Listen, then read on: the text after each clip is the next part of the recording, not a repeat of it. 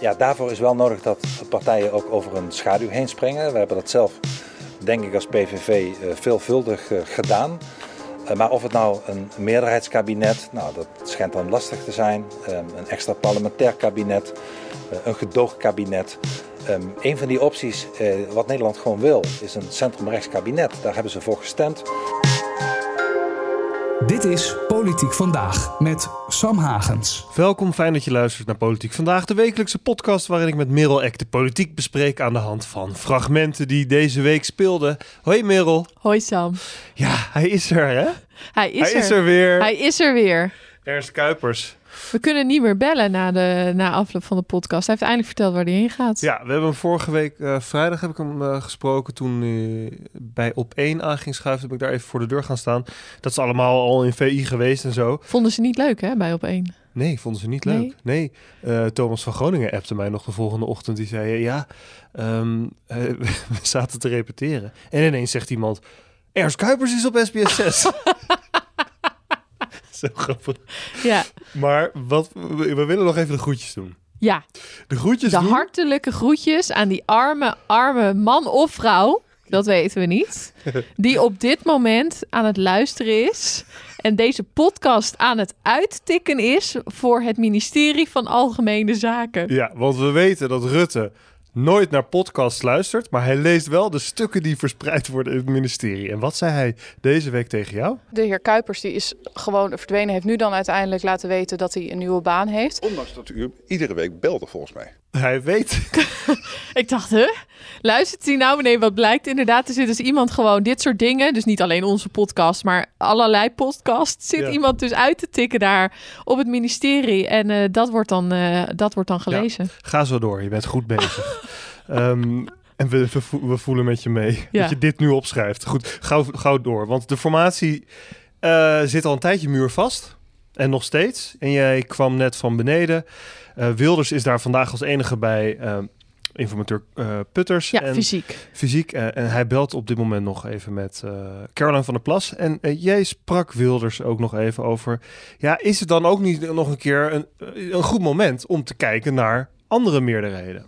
Ik hoop dat wij met deze vier partijen ehm, een manier vinden om ehm, in een van die vormen, en sommige vormen zijn ook andere partijen bij mogelijk, andere vormen weer niet. Extra parlementair is iets anders dan eh, minderheid of meerderheid. Maar voor een meerderheidskabinet er bijvoorbeeld naar een- Forum kijken of naar Ja 21, eh, waar u uiteindelijk dan ook een meerderheid mee kan vormen. Nogmaals, ik denk dat die drie opties die ik noemde, en sommige opties kan je andere partijen bij betrekken, andere kan je ze eh, moeilijker bij Ja, maar dit is betrekken. meerderheid. Ik Eh, vraag ja, nu naar een goed, ik- meerderheidskabinet. kunt vragen wat ik wil, maar ik ga over mijn eigen antwoord.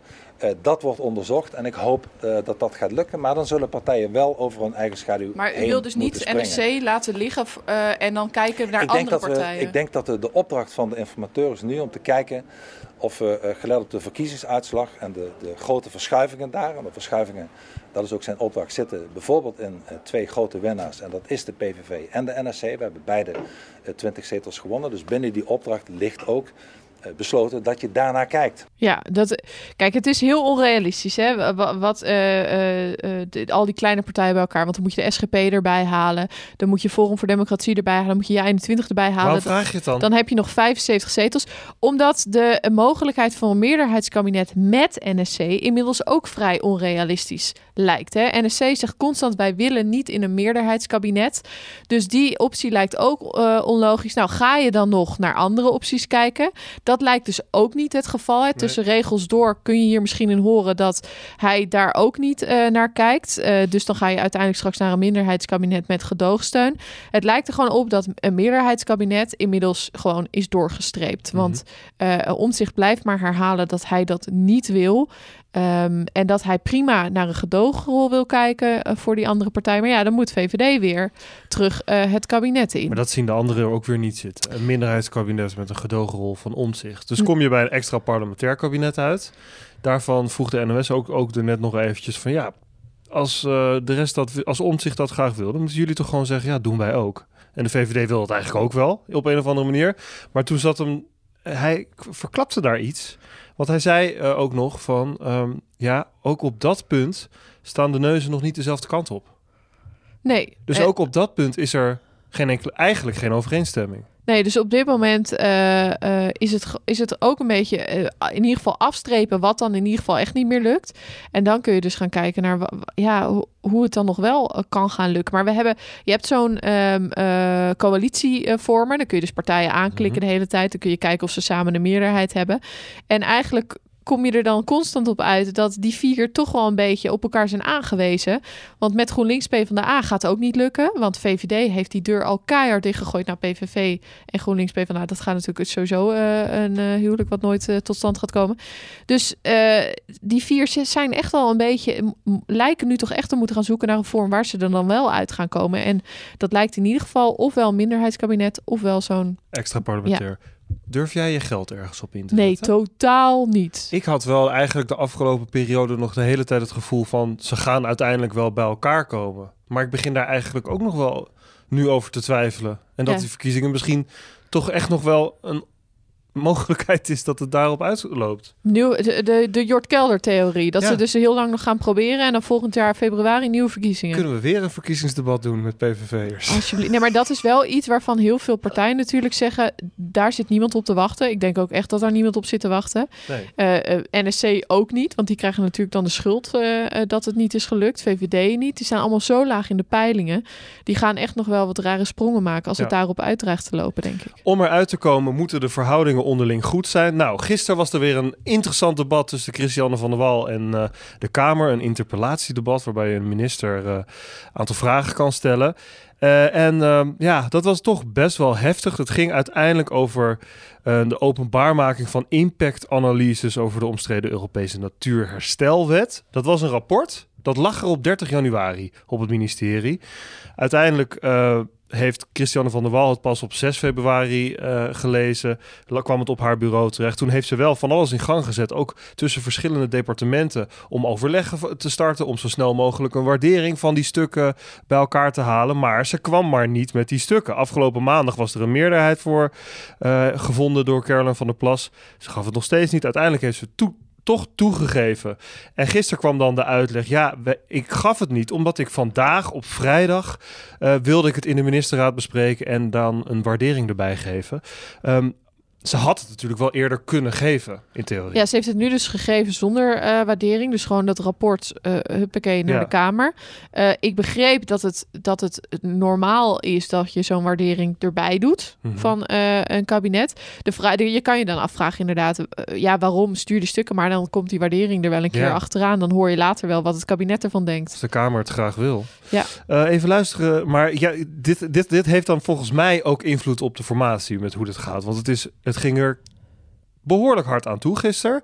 Uh, Caroline van der Plas had het over smoesjes. En uh, NSC um, uh, trok ook nog eens het vertrouwen in twijfel. Het vertrouwen ja. in twijfel, maar niet door een motie van wantrouwen in te nee, voeren, ze, maar ze, door het gewoon ze, te zeggen. Ja, ze vertrouwden niet meer dat dan vervolgen, volgende keer wel informatie op tijd komt. Waarna, waarna je dan denkt, oké, okay, dan komt er nu een motie van wantrouwen. Maar dat kwam er inderdaad niet. Even luisteren naar Caroline van der Plas. Sorry dat ik het even zo zeg, maar voor mij komt het over als een smoesje. Ja, maar ik had dat vrijdag willen doen. Ik had jullie zo goed willen bedienen. Ja, ik vind het gewoon onzin. Echt totale onzin. Um, maar goed, daarom had ik de schorsing even van wat te doen. En ik snap ook dat we verder moeten. En dat er hele grote opgaves zijn. En je kunt wel het hoofd eisen van een minister. Um, maar schieten we daar nu wat mee op? En het antwoord is nee. Maar het is wel een gele kaart. En ik ga hier heel scherp op zijn, bij alle kabinetsleden. Uh, want de volgende keer is een rode kaart. Ik zie hier het gezicht van Christiane van der Wal bij. Omdat we dat beeld op die, op die laptop hebben staan. Nou, die stond op onweer. De mond viel, gewoon open. Van dat ze het heeft over smoesjes en gele kaarten. We, vervolgens zagen we... Pieter Omtzigt was zelf niet bij dat debat aanwezig. Maar aan het einde ging hij wel nog in de bankjes zitten met Caroline. En wat ze daar precies zeggen weet ik niet.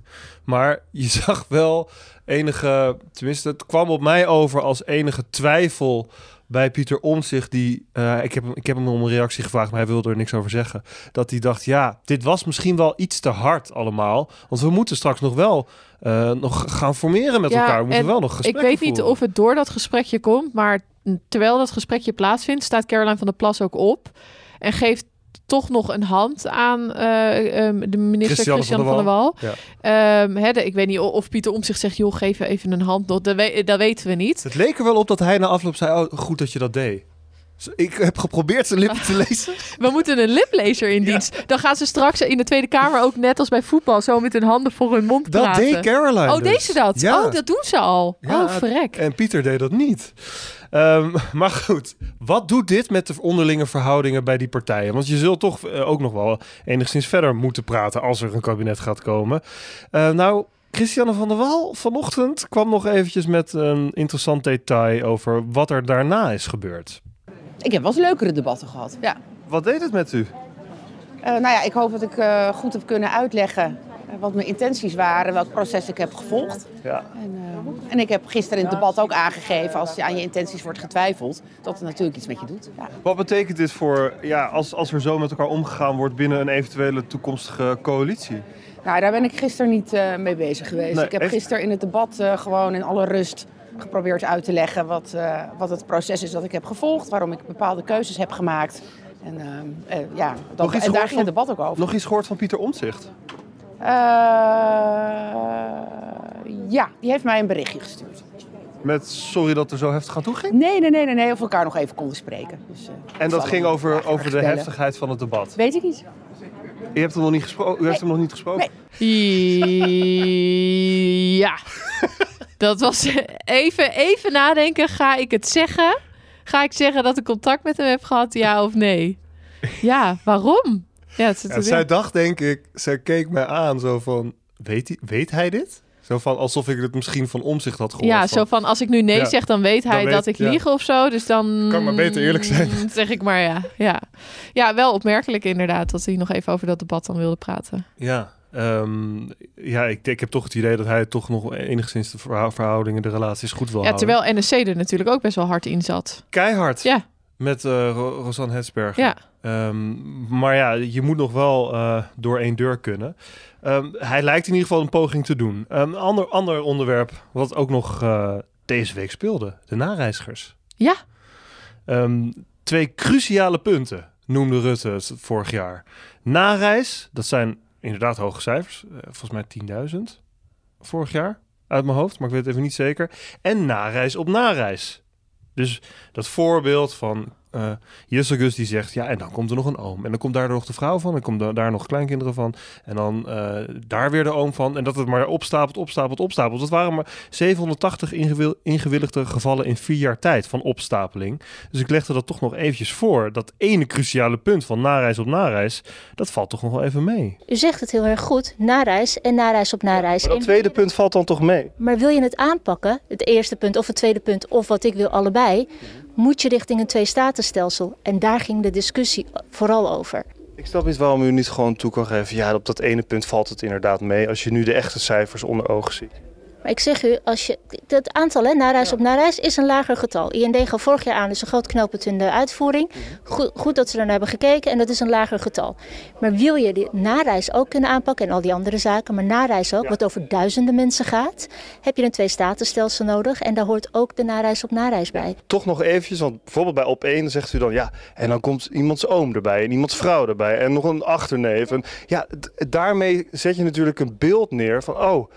We worden compleet overlopen. Terwijl die cijfers van nareis op nareis vallen nu dus toch wel mee. Dit is niet helemaal fair, want wat ik ook in die uitzending heb gezegd, maar het hele jaar, vorig jaar ook toen het hierover ging, is wij hebben opgeteld in Nederland, is alle maatregelen die wij hier hebben, zijn aantrekkelijker dan de landen om ons heen. Is met de kennis van nu nareis op nareis misschien iets te groot gemaakt in die periode? Nee, het laat absoluut zien, als voorbeeld, met al die andere voorbeelden die ik net noemde, laat zien dat het beleid in Nederland veel te ruim is. Hoe heb jij hier naar geluisterd? Ja, het, het werd een soort eh, hele lastige discussie met allerlei cijfers. En wat nou, waar zij het nou over had gehad. Had zij het nou over nareis of had zij het nou over nareis op nareis? En, zij, en dan ging het, het, er waren zoveel nareis op een gegeven moment dat je het spoor een beetje bijster eh, was. Maar wat ik, zij heeft het op een gegeven moment over duizenden nare, na, maar had zij het toen over nareis op nareis of had zij het toen al alleen over nareis? Ja, dat wordt niet helemaal duidelijk. Want dat, dat heeft ze toen in de Volkskrant gezegd. Dat was in, tijdens de verkiezingscampagne. En daar wordt het niet letterlijk in benoemd. Nee, dus er is een beeld ontstaan en dat hebben zij laten bestaan. Mhm.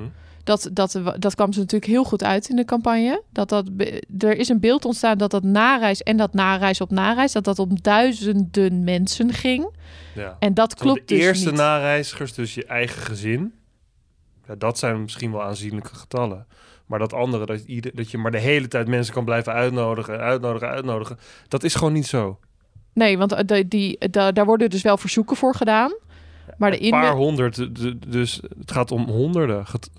Het gaat niet om duizenden. Nee, precies. Wie moeten we nu elke week gaan bellen? Ja, dat vind ik een goede vraag. Want het is toch wel een Er cruciaal, eh, cruciaal eh, hoe noem je dat ook weer? Rubriekje in onze podcast. Zullen we gewoon, eh, oh, we kunnen het telefoonboek er weer bij pakken. Ja. En dan gewoon een random nummer uit het telefoonboek. En dan gewoon iemand, gewoon, gewoon iemand gaan bellen. Ja, of we blijven contact houden met Rutte als hij straks weg is naar de NAVO. Zullen we Rutte, zullen we Rutte gaan bellen? Ja. Ik vraag of hij al naar de NAVO gaat. Of hij al kan zeggen of Gaan we volgende week. Meneer Rutte, we gaan u bellen. Tot volgende week. Dan zijn we er weer met Politiek Vandaag.